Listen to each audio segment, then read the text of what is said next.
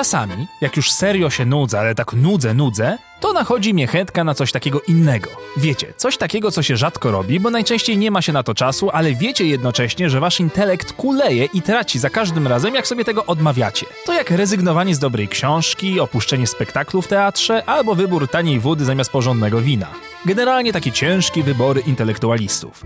No więc kiedy już mnie nachodzi taki kryzys nudy, wybieram się do muzeum. Byle jakiego, byle były tam stare rzeczy, których nikomu nie chce się oglądać.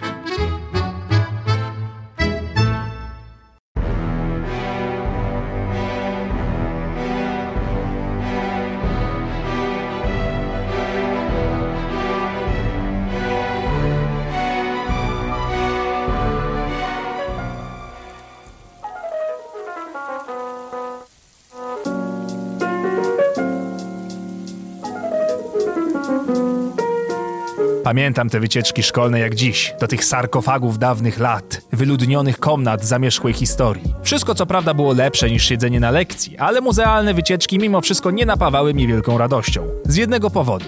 Gigantycznej, nieludzkiej wręcz kurwa nudy. Owa nuda wiązała się głównie z faktem, że trzeba było niczym zombie dreptać z mozołem przez kolejne sale i korytarze wypełnione artefaktami, o których nic nikt z nas nie wiedział i wszystko to nikogo specjalnie nie obchodziło, bo nie oszukujmy się, w tym wieku interesują cię inne rzeczy, jeżeli jesteś takim klasycznym szarym randomkiem, jakim byłem ja.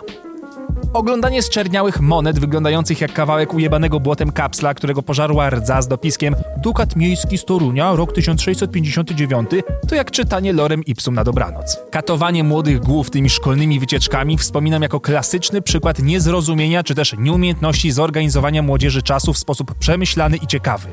Jakież było zdziwienie mojej historyczki, kiedy widziała nasze znudzone twarze, ziewające na widok protezy nogi generała Sowińskiego. Bo przecież drewniana noga to kurwa taka heca, że ja pierdolę. Normalnie miałem mokro na sam widok sztucznej nogi generała. No mówię wam, hit. Napierdalałem sobie z tą nogą selfie jak pojebany. No czujecie o co mi chodzi. A każdy belfer dalej swoje, że to sztuka, historia, spuścizna przodków, dzieje narodu i oczywiście moje ulubione świadectwo przeszłości.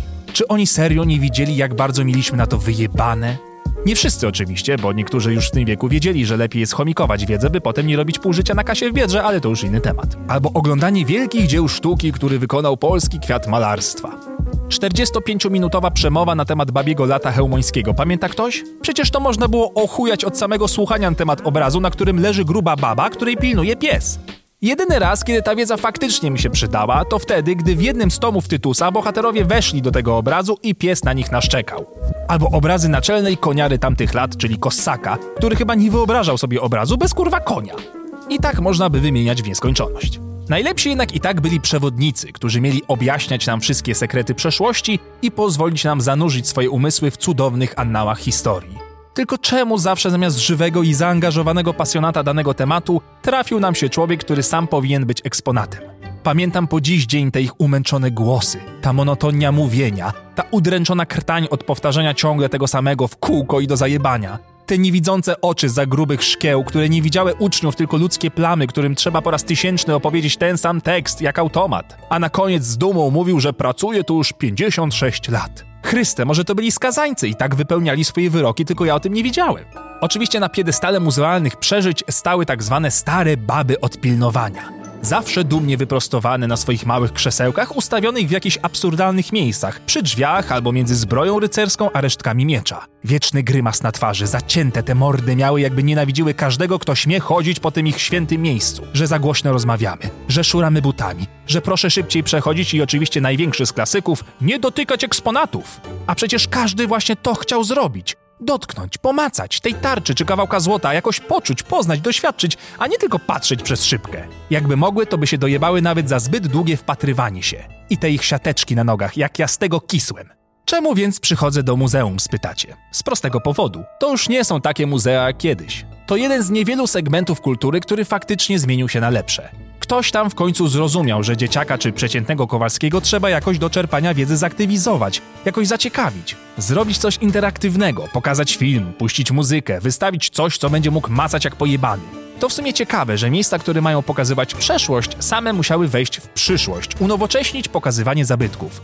Bo wiecie, jak chcecie zainteresować dziesięciolatka okresem mezozoicznym zwanym jurą albo kredą, to kurwa pokażcie mu tego dinozaura jak chodził i ryczał, a nie pokazujcie jego zasuszony kawałek jednego pazura od przedniej lewej łapy, na podstawie której ów młody człowiek ma sobie wyobrazić całego kurwa dinozaura. I takie muzeum to ja kupuję, bo wiem, że wyjdę z takiego miejsca z czymś więcej niż tylko bólem głowy od świetlówek i suchymi oczami od czytania tych jebanych opisów na kartkach wpinanych szpileczkami do zielonego sukna.